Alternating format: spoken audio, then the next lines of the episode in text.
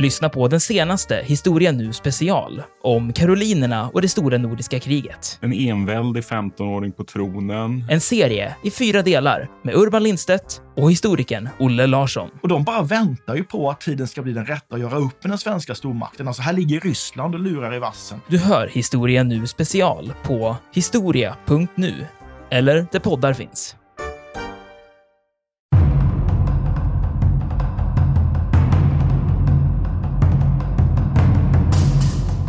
Refait Verdun sa man. Jag har gjort Verdun, sa man som fransk då. Och här kommer vi in, tror jag egentligen, svaret på varför Verdun också är det, det största slaget. Därför att om man tittar lite mellan tummen och pekfingret så tjänstgör alltså tre fjärdedelar av den franska arméns manskap. Och det är precis som du säger, att man växlar in dem i den här vänd, vänd Och det är klart att det är ett sätt också att inte slita ut trupperna. Och när man då anländer till Verdun så hade man i stort sett bara en enda underhållslinje som slingrade sig genom de massa franska byar, alltså in i det här området. Och den där kallar man ju då för Voie Sacré. Voie Sacré, alltså den heliga vägen. Och den var ju nästan som en sån där Golgata-vandring om man tänker sig alltså Kristus med korset på väg till sin avrättning.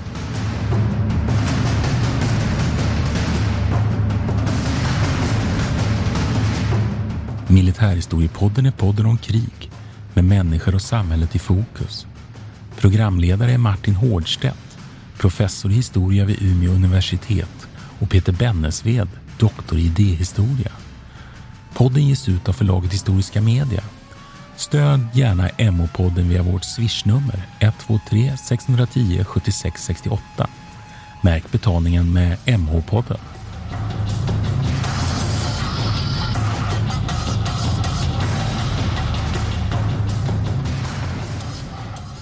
Hej.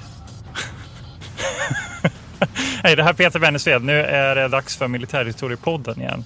Uh, och uh, med mig från Finland finns... Martin Hårdstedt som vanligt. Ja. Vi gjorde lite annorlunda start här idag faktiskt. Ja, ja men jag, jag kände Vi måste variera oss. Men idag ska vi prata om någonting som är, alltså jag tänkte, det här har jag gått och tänkt på nu några dagar, det här med slag. Alltså, det är ju någonting som ofta återkommer i den här podden och som är väldigt, eh, ja, inom litteratur är det många som skriver om olika slag och så vidare. Eh, och normalt sett så finns det ju som en slags dramaturgi i, inbyggt, i alla fall i historieberättandet. Och ibland är den ju konstruerad av oss historiker och ibland så kan man väl ändå påstå att den finns där någonstans även i själva grundmaterialet. eller så. Det finns en, en bakgrund, en upptakt, en, eh, ett händelseförlopp, några avgörande moment och på, på något vis en avslutning och ett, ett efterspel. Men i det här fallet, i det här slaget som vi ska prata om nu, så är de här gränserna väldigt flytande och väldigt märkligt. Och det är, jag vet inte hur man ska kunna beskriva det, men det är som ett slags svart hål av eh, massdöd bara, som inte egentligen uppfyller de här klassiska dramaturgiska reglerna. ja, det har ju en början i alla fall. Slaget vid Verdun har ju en väldigt tydlig början. Jo, det, jo, det har det. Precis. Det kan vi säga. Nu avslöjar Men det. har ju, kan ja. man ju säga, nu avslöjar det. Eh, eh, men det har ju en väldigt, ska man uttrycka det, fejdande avslutning. Och det är ja. väldigt svårt att sätta ett, slu, ett slutdatum. Men vi rör oss ju mellan det som skulle kunna sägas vara då den tyska anfallets väldigt definitiva start den 21 februari 1916. Ja. Och sen så försvinner ju det här äh, slaget egentligen under hösten december kanske man skulle kunna säga är en, en, slutpunkt. Någon kanske skulle vilja säga 18 december. Det är ju faktiskt ett datum som man hittar bland mm. på nätet. Då. Men det är ju nästan ett ja. år. Ja, och jag håller med dig om det där att, att också att slaget som i det traditionella äldre slaget, det är ju väldigt kortvarigt, det är under en dag, det kanske var under några timmar. Vi har ju pratat till exempel om slaget vid Culloden, vi har slagit, ja, mm. och så vidare. Här, här är det ju mera egentligen en fråga om att det här slaget är en, en operation en, region, en region, ett område mm. som, är, som är indragen i den här kraftmätningen under under en mycket, mycket längre tid. Så det blir någonting annat och det har ju naturligtvis att göra med att det här är ju ett industriellt krig, första världskriget. Vi kan väl säga det att vi hade ju tänkt egentligen att, att liksom börja ta oss an första världskriget. Vi har ju en serie i den här podcasten där vi går igenom andra världskriget ganska systematiskt. Det är ganska uppenbart. Och vi tänkte att vi måste börja med första världskriget mm. och vad är inte bättre än att börja smaka på första världskriget genom att ta upp slaget vid mm. Verdun. Så kör bara mitt i kan man säga. Man kan säga så. Och så får vi Mm. väl fånga upp första världskriget. Men, men jag, har, jag har drabbats av Verdunslaget personligen väldigt starkt. Jag har besökt Verdun och väldigt känslomässigt så är det här väldigt, väldigt märkligt. Och för, må- för, för framförallt för Frankrike ur ett nationellt perspektiv och både i då och även nu i efterhand så är ju slaget vid Verdun lika med första världskriget. Det här är ju så att säga den stora, stora kraftmätningen och händelsen under första världskriget. Men samtidigt är det ju inte det största slaget. Det är inte den största kraftmätningen egentligen, lite om man exercerar siffror. Därför att somoffensiven som ju sker en bit längre norrut från Verdun, den är ju, där, går, där dör det fler soldater och det sätts in fler soldater. Men trots det så har Verdunslaget den här ställningen som den stora kraftmätningen. Och Men det har ju också att göra med historien här nu. Får vi, om vi förflyttar oss bakåt. För några avsnitt sedan så, så pratade vi om eh, fransk-tyska kriget 1870-71. Eh, och det är ju den här regionen då som är... Eh, det är ju här någonstans som sätts grunden för eftersom man då förlorar Alsace-Lorraine-områden till, till Just eh, det. det nya Och- tyska. Och Tyskland kommer liksom in på, på bara livet, veka livet på Frankrike och Verdun blir väldigt nära den nya tyska gränsen. Och Verdun har ju haft under historiens lopp en, en, en just ställning som en sån där gränspostering mot öst skulle man kunna säga. Vi kan väl säga det direkt att det går ju en viktig flod där som heter Mös eller Mas på tyska eh, genom det här området i någorlunda nordsydlig riktning. Och, och staden Verdun, den ligger då vid en av de här broövergångarna på, på, väldigt långt, på en väldigt lång sträcka. Så ska man säga så att ta sig över Mös i den här regionen, då måste man förbi den här staden Verdun. Som ju då traditionellt ända från 1600-talet och Vauxballs tid har varit en fästningsstad. Och kring då Verdun, efter fransk-tyska kriget då, så förstärker man då och bygger ett antal forst, framförallt öster om Mös. Och där kan vi nämna redan några vid namn, bland annat Domont-fortet och Fort Vaux. Så man bygger upp en sån här, vad ska jag säga, fästningsgördel då runt eh, eh, Verdun. För att helt enkelt kunna ta emot då ett tyskt anfall österifrån. Mm. Och Så de, det, det i, och de i sin tur utgår då från Metz, egentligen, den här staden som också fransmännen förlorar. Och som också symboliskt. Eh, Ja, inringningen vid Metz. Ja. Ja. precis. Och kapitulationen och där, där Mm. Napoleon III till och med då får lämna ifrån sig sin, sin makt i Frankrike och som är så snöpligt. Mm. Och då så satsar man på, så, så, så, så Verdun blir det nya bålverket mot öster.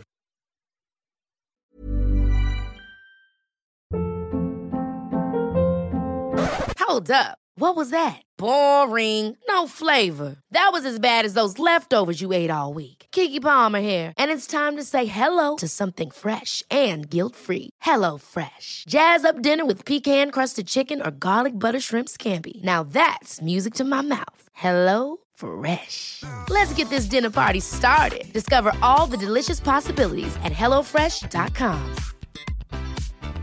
Quality sleep is essential. That's why the Sleep Number Smart Bed is designed for your ever evolving sleep needs. Need a bed that's firmer or softer on either side? Helps you sleep at a comfortable temperature? Sleep Number Smart Beds let you individualize your comfort so you sleep better together. JD Power ranks Sleep Number number 1 in customer satisfaction with mattresses purchased in-store. And now, save 50% on the Sleep Number limited edition Smart Bed for a limited time. For JD Power 2023 award information, visit jdpower.com/awards. Only at a Sleep Number store or sleepnumber.com.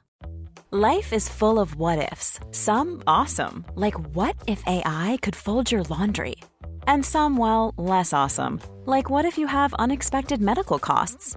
United Healthcare can help get you covered with Health Protector Guard fixed indemnity insurance plans. They supplement your primary plan to help you manage out of pocket costs. No deductibles, no enrollment periods, and especially no more what ifs. Visit uh1.com to find the Health Protector Guard plan for you.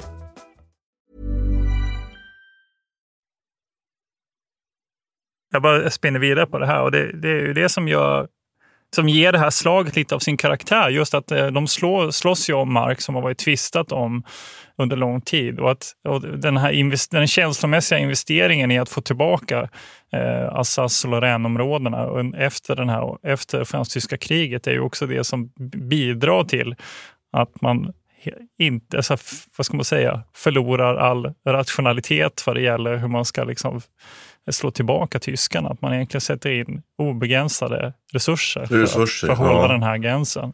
Ja, precis. Och i botten ligger ju här, här just att det tyska anfallet har ju som en av sina, precis som du säger där, så har jag uppfattat det också, att, att man vet att man kommer försvara Verdun till sista man. Mm. Och när man gör den här planeringen då på tysk sida, att man, man, man inser en sak, att vi måste på något sätt besegra Frankrike innan britterna får en tillräckligt styrketillväxt. För britterna har ju först bara en expeditionskår i stort sett i, på västfronten och börjar mobilisera en stor armé. De har ju en yrkesarmé, de har inte en stor stående värnpliktsarmé som, som fransmännen har på ett helt annat sätt. Utan då, då tänker man sig så att om vi vrider så att säga det här franska svärdet ur, ur britternas händer och så parar vi ihop det på stor strategisk nivå med att vi återupptar det ubåtskriget och kväser så att säga tillförseln av resurser då framförallt från USA till, till britterna. Då kanske vi snabbt kan, kan knäcka hela, hela entantens krigföring. Alltså mm. entanten, för, västmakterna skulle man egentligen kunna säga då. Och vinna kriget snabbt. Mm. Och om du då anfaller Verdun och så låter vi fransmännen förblöda kring en, en, en fästning som vi vet att de kommer försvara till, till sista man. Då kanske de ger upp. Och men som egentligen inte, och det är som är intressant, som egentligen inte är särskilt intressant för tyskarna i sig. Alltså den, nej, fästningen nej, i sig. Nej, så de, bara är, de är i princip bara där för att fransmännen ska förblöda. Och det är, och det, jo, man kan säga att man utvecklar någon form av förintelsestrategi eller ja. förintelsekrigföring. Och, och som ju bygger på att man helt enkelt ska låta motståndaren förblöda. Och den är ju, framstår ju som oerhört bisarrt egentligen. Och det här köper då Falkenhayn som är då chef för, för den tyska generalstaben lägger fram den här planen och får den klubbad, godkänd av Kaisen. Och sen eh, börjar man med en enorm uppbyggnad av, av resurser, truppansamling, koncentration kring Verdun.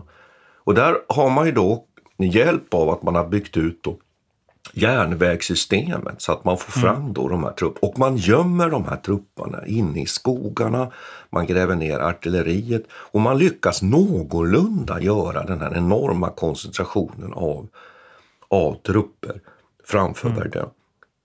Och det märkliga på att andra sidan då så blir man så småningom varse detta. Men i Frankrike är man ganska omedveten om vad som är på väg att hända faktiskt. Mm.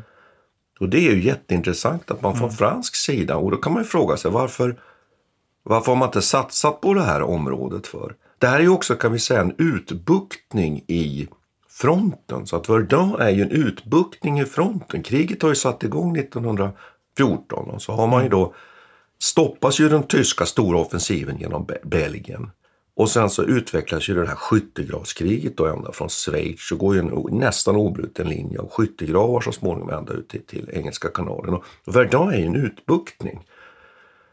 Eh, och då funderar man ju lite på varför fransmännen inte satsar här. Det skulle ju vara logiskt att förstärka fästningarna, föra in tungt artilleri och se till att här går det inte helt enkelt mm. att anfalla.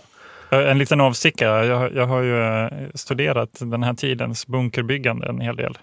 Och kollat mm. på deras, deras små eh, ritningar och annat som de gjorde. Och det, är ganska intressant. det är en ganska innovativ period här för att man eh, får tillgång till betong på ett helt nytt sätt och armerat järn också. Så det gör ju att de kan ha, när du pratar om att man gömmer artilleriet, de gräver, gräver liksom ut stora, stora utrymmen som man fyller igen med betong. Så gör man en slags betonglock med hål i, en slags springa så själva kanonen sticker fram. Så att man liksom gömmer kanonen under jorden kan man säga. Mm. Det var ett väldigt intressant sätt och alltså, väldigt progressiv kamouflagetaktiker under den här perioden. Ja, det är det som ja. brukar kallas för kassematt, att man, man har artilleriet placerat i skyddade sådana här ställningar. Och Domonfortet till exempel har ju en sån 15 cm kanon mm. skyddad med ett järn, järnkupol plus då ett antal mm. mindre 75 mm kanoner plus en massa kulsprutor. och är ju ett, ett förhållandevis starkt fort. Det märkliga är ju att fransmännen plockar bort mycket av det här artilleriet, det tunga artilleriet. Eh, generellt från sina fästningar, satsar inte på dem åren före första världskriget. Och dessutom har väldigt dåligt med tungt artilleri. Och då kan man fråga sig varför är det på det sättet? Mm. Varför är det på det viset? Ja, det är, ju- det är ju på det sättet att fransmännen har en, en, en offensiv tanke med sin krigföring. En idé om att man alltid ska anfalla. Jo, och nu vill jag bryta in här. Och det, det har jag tänkt på också. Jag funderar på varför, men varför vill de inte ha med sig artilleriet? För en av, vad det här bygger, den här elan-grejen som du pratar om nu, att man ska anfalla med glöd. Ja, elan, det är ju Ja. begreppet att Ja, man står begreppet, upp, man precis. tar emot och man viker Och det- inte ner, man anfaller alltid. Exakt. Och det här är ju i princip en, en kopiering av den taktiken som man ansåg att tyskarna anfall med 1870-71. Att de på något vis anföll Mm. med glöd och de kunde bryta ner det franska försvaret. Men en av nyckelgrejerna som jag minns att vi också pratade om det är ju att också tyskarna har förmågan att koncentrera sitt artilleri till de här punkterna och sen skicka iväg infanteriet i den riktningen. Men Mm. då förstår jag inte varför, inte varför vill inte fransmännen då, som du säger här nu, varför drar de tillbaka sitt artilleri i det här fallet? Ja, bort avancerat. den i stort sett helt. Och här kommer vi nu till det här med att dra slutsatser av tidigare krig. Och det är väldigt svårt Mm. att dra slutsatser från fransk-tyska kriget egentligen. För där har tyskarna stora förluster. De anfaller ganska många gånger ju in i, i elden från den här effektiva franska infanteribeskjutningen. Men de har ett bra artilleri så att de kan skjuta bort fransmännen. Och Och då borde man kunnat egentligen ha dragit den slutsatsen tycker man. Men det gör man inte. Och sen tror jag att det har också att göra väldigt starkt. Och det här, det här beskriver ju naturligtvis litteraturen och forskningen. Att fransmännen är så viktigt med att visa framåtanda. Vi, vi, vi kröp in i fästningarna 1870-71. Vi pratade alldeles nyss om Metz. Det var därför vi kapitulerade. Nu ska vi vara offensiva. Och man utvecklas ju, utvecklar ju liksom ett helt tänkande inom den franska armén som liksom genomsyrar eh, hela den franska armén. Den offensiv à outrance, alltså offensiv, den extrema offensiven. Och därför behöver man inget tungt artilleri. Det är inte med artilleri Visst, men varför då eh, Vardan som ändå är en defensiv Eh, punkt? Det finns ju, alltså om man har, och det är det här som är så himla märkligt. Man har en offensiv strategi för en defensiv punkt egentligen, ett ställe man ska försvara. Ja, och, då ska man, och då, därför har man då i franska armén framförallt 75 mm fältkanoner som ska kunna följa med de här anfallsrörelserna. Men man har väldigt dåligt med tungt artilleri. Och plötsligt nu då så ansamlas det i en tysk armé på andra sidan Mös, eller öster om Mös, just satsar på att föra dit enorma mängder artilleri, 1200 artilleripjäser, varav en stor andel är riktigt tunga fästningskanoner, bland annat fästningskanoner man använt för att, att bryta igenom och skjuta igenom eh, väggarna på, på fästningarna, de belgiska eh, gränsfästningarna. Till och med 42 centimeters haubits. Det är stort. Och, med, ja, och då, sen skjuter man ju alltså en förbekämpning mot de här franska linjerna innan man då anfaller den 21 februari.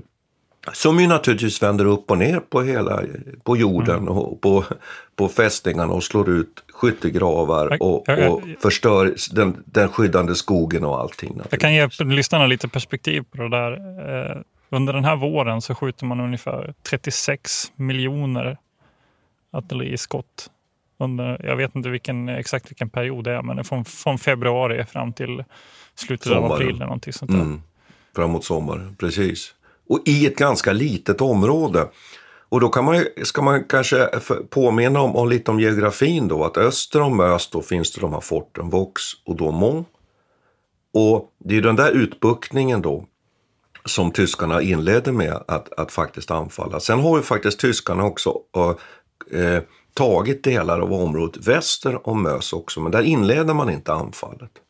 Utan man an- inleder anfallet så att säga på det här området som är öster om Mös. Och det gör att de här franska trupperna som befinner sig i det här området, de står ju också med Mös i ryggen. Så är en oerhört svår situation. Men trots då, så då kan vi säga att fransmännen är väldigt oförberedda. Tyskarna inleder en enorm förbekämpning. Och sen anfaller inte tyskarna med sådana här massiva grupperingar rakt fram, utan de anfaller då det som sen så småningom kommer bli deras infiltrationstaktik. De känner av, de känner på det, på det franska försvaret. med små grupperingar och anfaller då där de, där de känner att det, det finns svagheter. Så att man sätter inte in egentligen ordentliga infanterianfall förrän några dagar senare under det här första anfallet. Och man kommer ju att ta en del av den franska grupperingen. Man kommer att ta Domanfortet och Domanfortet behöver man inte ens storma för det är övergivet av fransmännen faktiskt. Därför för fransmännen är så chockade av den här enorma artilleribekämpningen mm. och det här enorma anfallet man, eftersom man ju är lite tagna på sängen. Så man kan ju säga att fram då 26 februari fem dagar senare då, då avslutas den här första fasen i slaget vid Verdun. Och då kan man ju säga varför kör inte tyskarna över fransmännen och tar Verdun och hela området? Ja, det är två orsaker. Den ena är att man kanske inte egentligen är ute efter det. Det är lite frågetecken kring hur man tänker där. För det har vi varit inne på som du säger, mm. att man vill slåss här nu för man vill att fransmännen ska förblöda. Det andra är att befälhavaren, då, kronprinsen Wilhelm, han får inte sätta in sina anfallsreserver. Som han ja, kanske han är bakbunden där. Av han är lite bakbunden. Mm. Så där är vi nu då. Och här har vi alltså en fransk armé nu som blir överkörd, som har liksom plockat bort och minskat styrkan i sina, sina befästningar. Och så händer ju det som är så betydelsefullt för det här slaget, att man får nu ett byte av befälhavare. Här kliver ju nu den här generalen Petain in på scenen. Som är så Kom ihåg att vi pratat om han tidigare under, eh, när vi diskuterade 1940 han får ja, han, komma in där och, och som någon slags Frankrikes räddare eh, 1940. Och det är, jo, här, det är här han gör sin, sin stora, sitt stora eldprov egentligen, i Verdun. Ja, det är här han vinner sina sporrar. Och han, mm. han är precis som den där Kron, Kronstedt som, som lyssnarna har hört att vi kanske, kanske någon till och med tycker att ja, vi tjatar lite om. Mm. Ja, att han är förrädaren på Sveaborg men, men, men liksom hjälten vid Svensksund. Det är likadant med Petain. Petain är ju hjälten, räddaren vid Verdun. Mm. Men sen så småningom kommer han ju faktiskt att dömas till ett livs, livstidsstraff därför att han ju är förrädare under andra världskriget. Och går tyskarnas ärenden så småningom. Men i det här läget så kommer Petain in på scenen och vad är intressant med honom? Jo, han är inte en del av den här offensivtänkandet i den franska armén. Mm. Utan han gör precis det som man skulle kunna för. Han börjar gruppera artilleri väster om Mös, skyddat. Tungt artilleri, försöker få in det man har. Och han börjar organisera eh, också eh, logistiken, att han börjar få in alltså förstärkningar till det här området. Och han satsar alltså på en defensiv nu strategi. Mm. Till skillnad då från att det som, som man så säga, vill i den franska armén, nämligen att liksom anfalla och ta tillbaks. Och så försöker man hålla den mark man har. Eh, men det är ju inte så lätt för Petain heller, för han har ju sina överordnade över, över axeln hela tiden som frågar varför anfaller du inte, varför anfaller du inte? Utan han inser ju detta. Och sen en sak som man, man, man också ser att Petain är faktiskt ganska intresserad av, av soldaterna faktiskt. Han är en god ledare och chef. Det, det måste man ge den här eh, mm. generalen Petain. Han läser förlustsiffrorna. Han intresserar sig ändå och vinner soldaternas förtroende. Det, det, mm. Nu ska man inte överdriva det, han är ju hög officer och så vidare. Men det är någonting som är intressant om man jämför till exempel som generalen Haig på brittisk sida som inte vill läsa förlustsiffrorna, som inte vill besöka soldater för att inte mm. så att han inte kan ta de här tuffa besluten om anfall. Då. Han inför ju också det här kända vändkorset som också har varit, eh, blev en, liksom en viktig, mm. ett viktigt minne för franska soldaterna i, i liksom eftermälet här. Känner du till det? Nej, berätta ja, men Han kallade, eh, det heter någonting annat på franska, men han, han kallade det vändkorset. Och det var så att man helt enkelt, att egentligen alla, alla eh, franska soldater, alla olika kompani och divisioner skulle in här och, och tjänstgöra några dagar eller några veckor, jag vet inte exakt hur länge. Men sen då vända och, och åka tillbaka till andra ställen. Så att han fick ett ja, slags... Det. Eh, ja. Eh, så att, och det var detta som ledde till att så väldigt, väldigt många franska soldater var delaktiga i Verdun och som sen ledde till det här som du just brukar det. prata om att har man inte varit vid Verdun så har man inte varit med i första världskriget i princip. Nej, precis. J'ai fait Verdun, sa man. Jag har gjort Verdun, ja. sa man som fransk soldat. Och här kommer vi in, tror jag egentligen, svaret på varför Verdun också är det det största slaget. Därför att om man tittar lite mellan tummen och pekfingret så tjänstgör alltså tre fjärdedelar av den franska arméns Exakt. manskap. Och det är precis som du säger att man växlar in dem i den här vänd... vänd och det är klart att det är ett sätt också att inte slita ut tru- trupperna.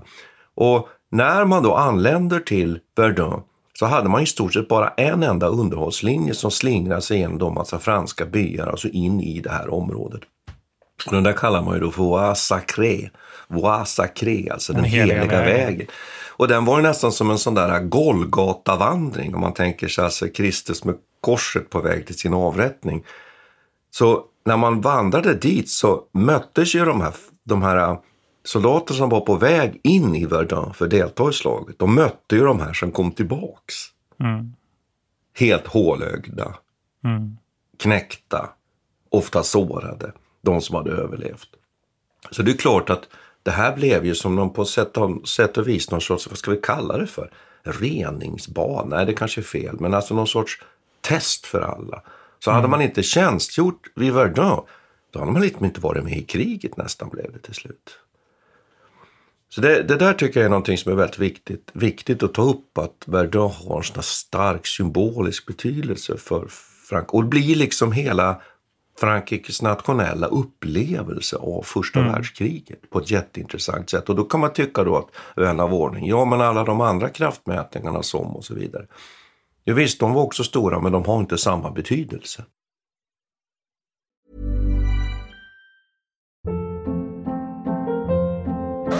Hold up. What was that? Boring. No flavor. That was as bad as those leftovers you ate all week. Kiki Palmer here, and it's time to say hello to something fresh and guilt-free. Hello Fresh. Jazz up dinner with pecan-crusted chicken or garlic butter shrimp scampi. Now that's music to my mouth. Hello Fresh. Let's get this dinner party started. Discover all the delicious possibilities at hellofresh.com.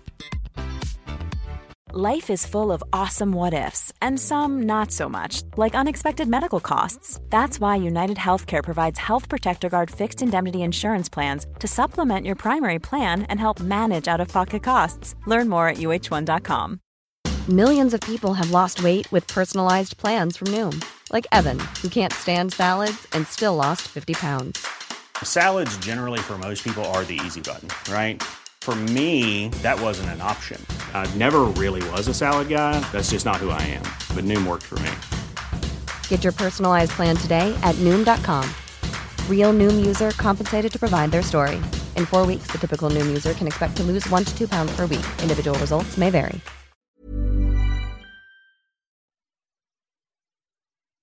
Kan vi prata någonting om vad det, vad det är för slags upplevelse de får där egentligen? För jag tycker att det är en ganska viktig del av det här slaget också. Att det är ju liksom anledning till det är klart att de, de här strategiska, eh, märkliga, eh, det här märkliga st- strategiska resonerandet som de håller på med, att å ena Mm, sidan inte, mm, mm. inte ta Verdun och å andra sidan inte släppa en, en tum eh, från båda sidorna gör ju att det bara blir en slags masslakt. Men själva krigets karaktär också, vad är det för typ av av eh, liksom, upplevelser man får som ja. soldat eh, vid Verdun. Och det, jag tänker på den här, eh, vi- pratar om artilleribeskjutningen. Liksom. Ja. Skildringarna av det, det finns ju jättemycket att läsa för den som är intresserad. Det finns massvis med dagböcker och många böcker har skrivits om Mm. erfarenheterna. Och det blev ju också en slags litterär trop kan man säga tiden efter. Alltså soldatens upplevelse av kriget blev väl central efter första världskriget.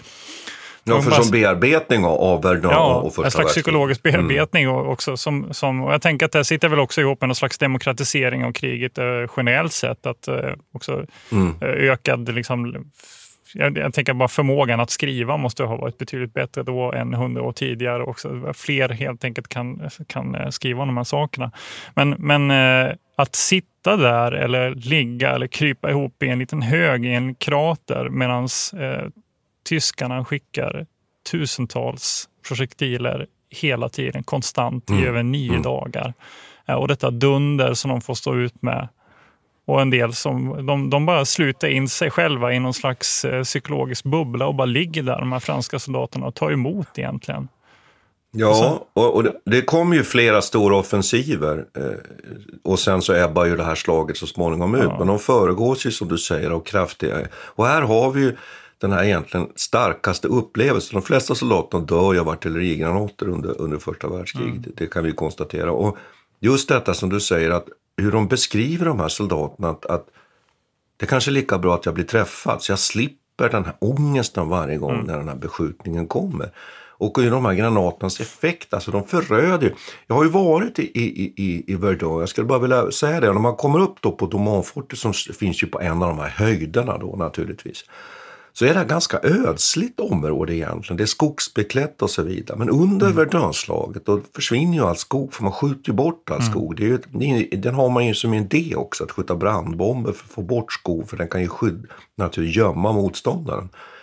Så de har tänkt sig någon sorts månlandskap med, Mm. med skyttegrav. Och de här skyttegravarna de, de fylls ju igen. Mm. Det finns ju ett ställe vid Verdun bland annat där, där, där ju ett, ett förband helt enkelt bara dränks i lera Mm. när en granat slår ner. Och blir stående liksom, i stort sett med bajonetterna Mm. stickandes ovanför jorden. Eventuellt är det en myt. Men, Ja, eventuellt är det en myt, Ja. liksom, men man har, Men, gjort en stor, stor sak, ja. man har gjort en stor sak. Men man kan ju tänka sig att de inte blir stående med bajonetten. Och så, det är det naturligtvis. Men att bilden liksom av det där. Och det är klart Mm. att det där förekom. Att man, soldater låg ju. Och sen kom de här enorma mängderna av jord som ett jordskred ner. Och, och så kvävdes man helt enkelt till döds. Vi kan ju titta Så lite på där är- siffrorna också. Menar, nu pratar vi om eh, ungefär 160 000 döda, 220 000 skadade på den franska sidan. Och ungefär liknande siffror på den tyska. Men jag tänker, jag tänker de här 100 000 Ja. saknade kan man väl säga någonting om.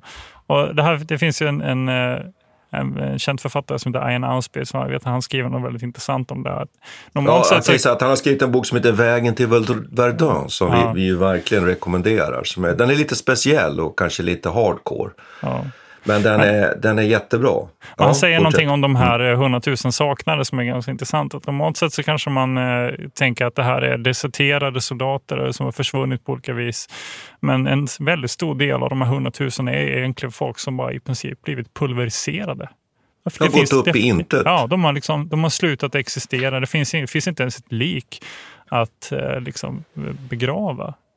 Och det, där finns är väl ingenting. speciellt för, för Verdun, att, att just att det finns väldigt många sådana här människor som helt enkelt bara gått upp Mm. i, i, i rök. Och man, man kan väl konstatera att, att lite beroende på vad man tittar då, så du, du, du var ju lite inne på de här siffrorna. Så, så förlusterna är då 380 000. Och av Mm. dem då så är 160 döda. Om man då räknar in de här som är saknade. Just det. Och tittar man på de tyska förlusterna så räknar man ju dem till 330 000 ungefär. Och av dem då är 143 000 döda. Det är enorma mängder människor som mals ner och dör på ett område som inte är så många mil i kvadrat. Mm. Faktiskt. Eh, Ja, det dör just- ungefär, jag tror att det dör ungefär en eh, person varje minut under, ja, I snitt under hela en per minut liksom. räknar man då. Under tio månader. Ja.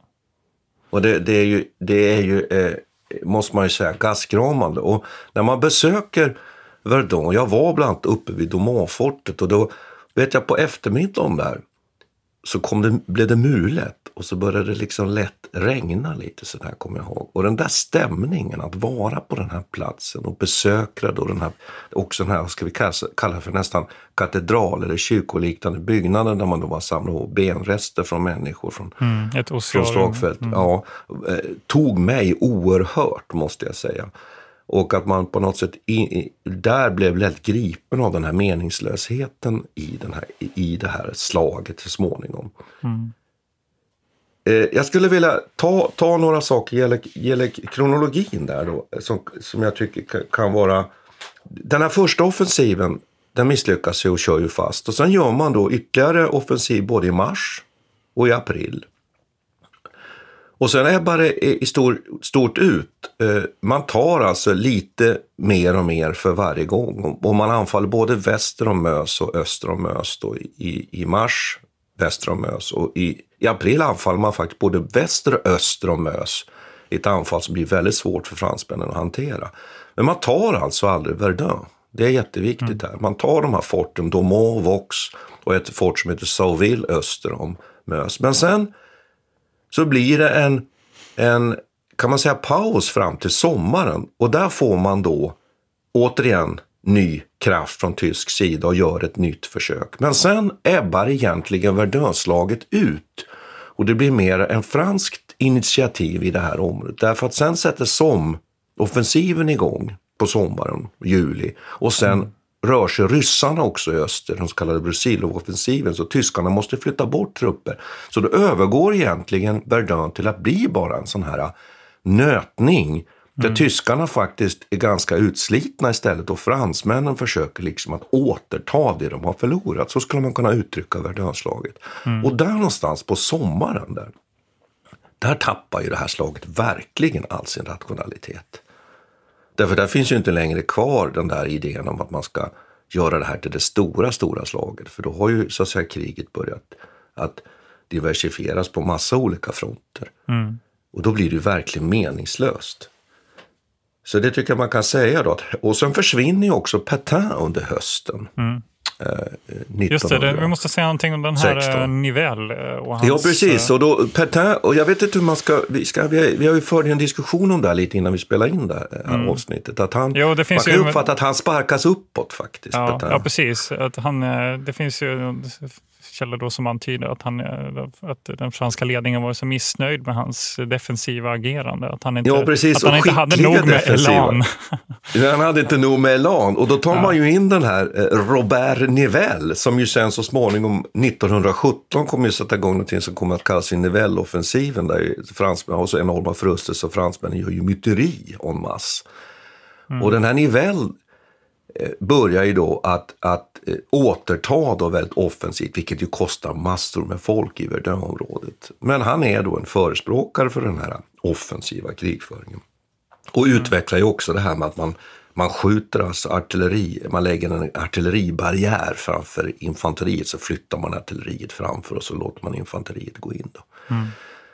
Eh, så det där är ju spännande också, att, att man på något sätt inte lär sig. Det tycker jag är så fascinerande här. Det finns ingen som går in här och gör en analys.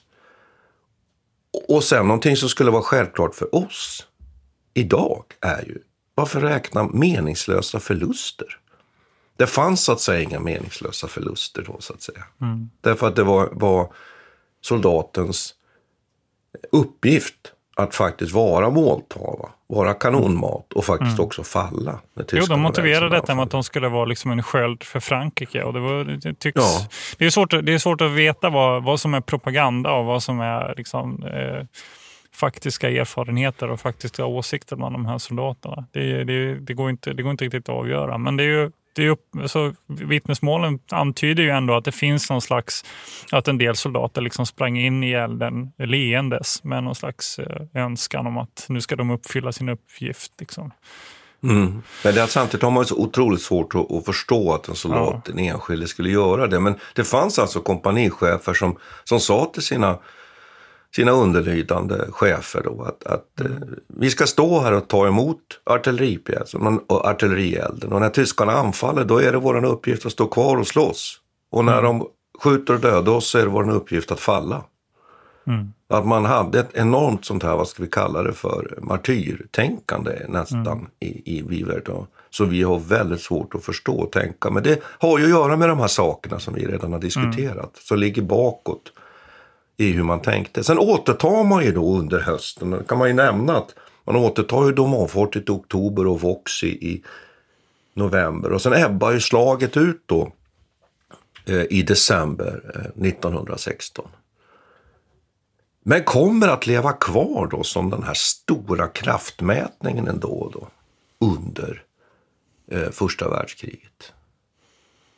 Jag tycker det är så svårt att bara ta in liksom, de här siffrorna. Vi pratar runt 700 000 förluster mm. egentligen. Förlusten sammanlagt. Ja. ja våra och de är ännu större vid, vid, i SOM-offensiv. Där räknar man ja. väl uppåt en miljon till och med. Då. ungefär 10 procent av, av mm. Eh, Frankrikes eh, förluster från hela första världskriget ja, sker i Verdun. har man då i Verdun ja. då. Och, men, men liksom, inte ens, men man, det, jag tycker man, man saknar ord. Liksom. Det, det, det bara stapplar när man ska försöka beskriva den här, den här massdöden som måste ha varit. Det, mm.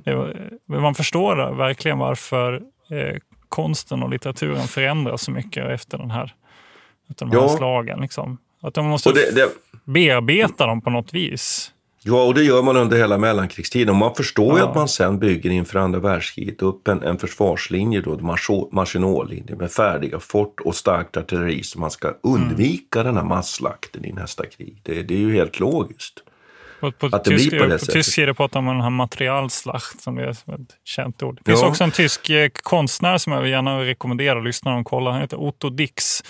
Eh, nu vet jag inte om han var eh, om han var vid Verdun, det kan jag inte svara på. Men han, han eh, gjorde en väldigt märklig konst som på något vis skildrar det här månlandskapet på ett väldigt Mm.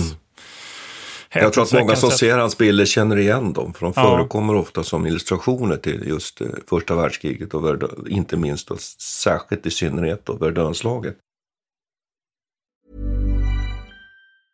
Even when we're on a budget, we still deserve nice things. Quince is a place to scoop up stunning high-end goods for 50 to 80% less than similar brands. They have buttery soft cashmere sweaters starting at $50, luxurious Italian leather bags, and so much more. Plus, Quince only works with factories that use safe, ethical, and responsible manufacturing. Get the high-end goods you'll love without the high price tag with Quince. Go to quince.com slash style for free shipping and 365-day returns. Ever catch yourself eating the same flavorless dinner three days in a row?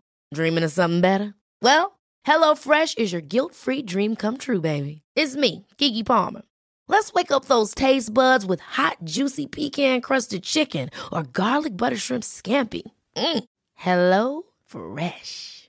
Stop dreaming of all the delicious possibilities and dig in at HelloFresh.com. Let's get this dinner party started. Traffic jams, tailgating, pileups. Ugh, the joys of driving. How could it get worse? The federal government wants to have a say in what you drive. That's right. The Biden administration's EPA is pushing mandates that would ban two out of every three vehicles on the road today. Don't let Washington become your backseat driver. Protect the freedom of driving your way. Visit EnergyCitizens.org. Paid for by the American Petroleum Institute.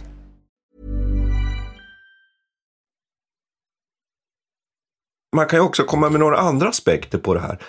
Det finns ju byar här som aldrig återuppbyggs. Mm. Som bara förintas. Det finns områden som inte går att beträdas än idag, som är helt rödmarkerade. Ja, det finns så inte- mycket heller. artillerigranater som, nej, som inte växer, det är så förgiftat.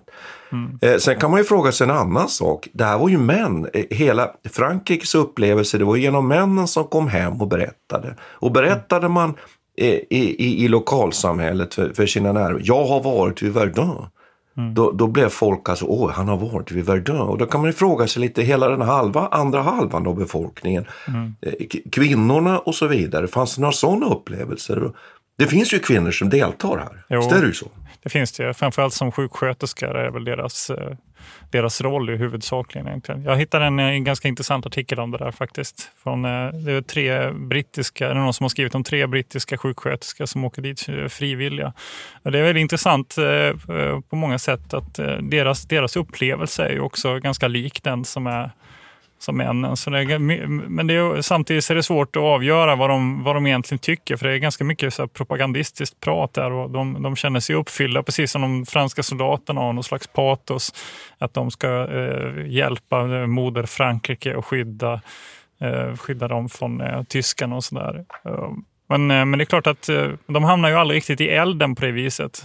Även om det sker ju bombningar och så med, med flyg till exempel och artillerield som når hela vägen fram till de här sjukhusområdena och det, eh, så drabbas de ju inte på det viset. De är ju aldrig framme liksom vid, vid eh, elden. Däremot så får de ju ta hand om de här soldaterna eh, som är liksom, eh, lemlästade och som dör som flugor i princip. Jag vet att jag läste igår om en, ett, eh, ett litet citat därifrån. En, en, en kvinna som jobbar som sjuksköterska då och eh, som har i flera timmar har hon hjälpt en, en kirurg att amputera ett ben varpå soldaten bara dör några minuter efter att de är klara. Att de liksom kämpar med, med detta meningslösa lemlästade människor som bara... Eh, Och samtidigt så uppstår någon slags syster, eh, systerrelation mellan soldaterna och sjuksköterskorna. Då, som De blir syskon och mammor. Ja, ett- precis. Och de blir. Mm. någon slags, ja, de blir syskon och mammor på något vis. Eh, och, och nu var ju uppstod det givetvis eh, romantiska situationer också, men det, var, det fanns ett starkt eh, liksom, ska man säga, parter som att man inte ska Mm. eh, beblanda sig med soldaterna på, på något slags romantiskt sätt utan eh, man ska upprätthålla den här systerskapsrelationen. Mm. Och det är också precis som, det, det här är ju någonting man pratar om att första världskriget är ju också för, för de manliga delarna av befolkningen en slags blandning av olika sociala klasser. Alla är med liksom. Eh, och, och alla dör i lika stor utsträckning i princip på fälten. Eh, både Ja, soldater och officerare. Ja, Ja. kriget är väldigt demokratiskt och det gäller även om kvinnor som engagerar sig här. Utan det är många som eh, sjuksköterskor från de lägre klasserna som, som beblandas med frivilliga från eh, liksom adelskvinnor som vill, som vill ner och hjälpa till. Så även där finns en slags eh, sån social aspekt som är ganska intressant. Mm. Jag, jag funderar på en annan, en annan aspekt här som, som ju ofta, för, vi pratade lite om bajonetter här, vi, nämnde den här, Mm. även, eh, den här myten med bajonettgraven och hela det här. Att, eh, så tror man ju att det, att det liksom är de här bajonettanfallen, att man kommer i de här närstriderna. Men det är precis just detta som Verdun ju visar att det är inte via någon bajonett man slåss. Och det finns soldater som i sina skildringar av de här säger att vi använder aldrig några bajonetter. Man ser aldrig någon som sticker en bajonett i någon eller någonting sånt. Utan det här är ju artilleristrider, det är närstrider med, med vapen, med framförallt med handeldvapen. Det är handgranater. Att det här kriget, det vinner man liksom, de här slagen, de här striderna taktiskt på, ute på fältet, då är det liksom handgranater och handeldvapen. Det är inte några bajonetter. Bajonetten sätter man på, men man använder den aldrig. Mm. Det tycker jag också är väldigt fascinerande. att att det, det man liksom tror och ser framför mig och det man ville i den franska armén, att man skulle göra de här bajonettanfallen, det är någonting som aldrig existerar. Och det ty tycker jag är väldigt spännande. Och sen också just det här att de här fästningarna då, de visar sig ju vara väldigt viktiga. Om vi tar till exempel Fortet Vox här, som vi har nämnt. Då.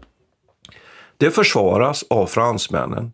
Man har försvagat det och man har inte satsat på det. Men ändå måste tyskarna anfalla och förlorar alltså över 2000 soldater och ett 60-70-tal officerare när man ska ta det här Fortet. Så det betyder att de här fästningarna, trots att man inte har satsat på dem, de har stor betydelse.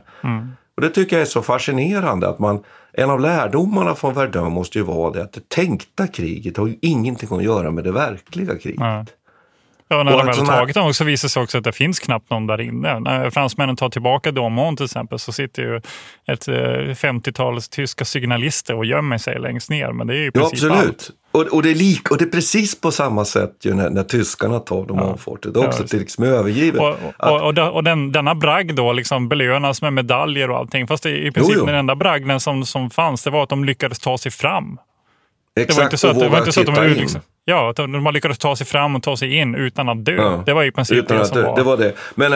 Medan, striderna om Vox, där var, blev det verkliga strider. Och trots Mm. att fransmännen inte hade så stora resurser så lyckades man ändå åsamka tyskarna de här enorma förlusterna. Så att det visar sig ju i praktiken här att man har ju tänkt helt fel. Och det, Mm. här tycker jag, det här tycker jag är en sak som jag har varit inne på väldigt mycket i de här eh, i våra program och podcast kring militärhistoria, krigshistorien. Ofta det här just att hur man tänker sig, det blir inte så. Mm. Och hur, vad drar man för slutsatser? Och Jag tycker att Verdun-slaget är ju en, det är ett paradexempel i, i militär och krigshistorien på hur det, här, hur det här går fel. Men om man ska summera betydelsen av Verdunslaget, det har vi ju nästan tjatat om här, den, den är alltså egentligen inte så mycket den har ett visst strategisk betydelse. Det har det absolut. Därför att man nöter ju ut den franska armén och den tyska armén så pass mycket att det får ju betydelse för slutresultatet i, i, eh, andra världskrig, i första världskriget. Att, att fransmännen behöver i, i, i stort sett alltså hjälp både av britter men också sen av amerikanerna för att kunna trycka tyskarna tillbaka. Så på så sätt har det ju en, en faktisk, faktisk betydelse. Men framför allt som vi, vi vill förmedla, det är ju den här symboliska betydelsen av Mm. Verdun. Verdun som läxa är ju kanske det som är Och, och Verdun som läxa, Ja. ja. vad man lär sig där och att man kanske, som vi tror då, kanske inte lär sig så mycket av den. För det Mm. visar ju fortsättningen av första världskriget att man egentligen inte gör. Mm. Nej, det, tar, det tar ett par decennier innan de börjar förstå vad, hur man ska göra. Så jag tänker att den här motoriseringen av förbanden sen är ju sen blixtkrigföringen som, ja, om det nu fanns. Ja, men alltså det vi, konceptet som vi har att diskuterat anfalla med ganska mycket. infiltration Men, och, men det är klart att den här kraftsamling. önskan om att, om att eh, skapa mobilitet eh, och, och som också flygplanen möjliggör och radiokommunikation och, Mm. och eh, fotomotorn och så vidare. Det är ju det som, som är de stora förändringsfaktorerna sen. Mm. Ja, nej, men annars, annars är det, jag, jag vet inte, man, man blir deppig så fort man bara tänker på Verdun och man läser om det. Och det, och det, går liksom, det, det övergår det mänskliga förståndet att förstå de här, de här sakerna. Jag återkommer till det igen nu. Jag vet, det blir, ursäkta, det blir tjatigt, men det går inte liksom...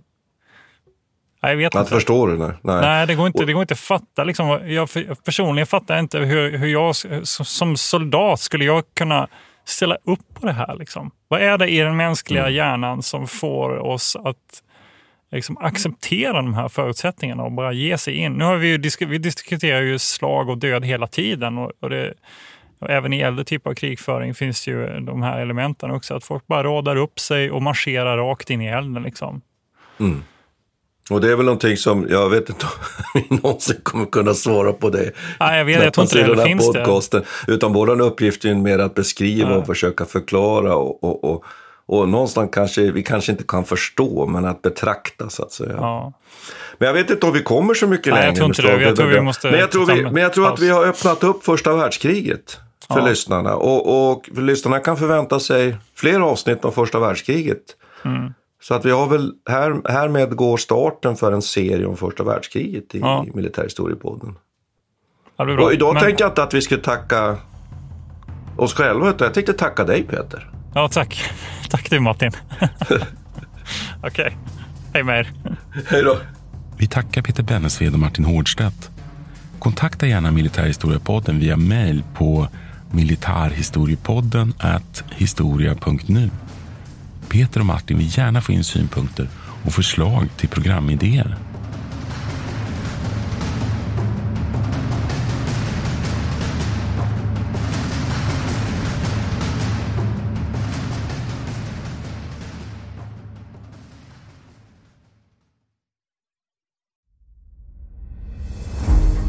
Jakob de la Gardie är den enda svenska fältherre som lett en armé till Moskva och trätt fram inför tsaren. Bedriften gjorde honom till en av 1600-talets största befälhavare. Moskvas erövrare är den första biografin över Jakob de la Gardie, en av stormaktstidens portalfigurer. Historikern Peter Ullgren följer hans stormiga bana från den föräldralösa barndomen vid 1500-talets slut till maktens topp och den mullrande statsbegravningen i Stockholm 1652. Moskvas erövrare är utgiven av förlaget Historiska Media. Ljudboken finns tillgänglig hos streamingtjänster som Bookbeat, Storytel och Nextory. Beställ den fysiska boken på förlagets hemsida historiskamedia.se eller köp den i en bokhandel nära dig.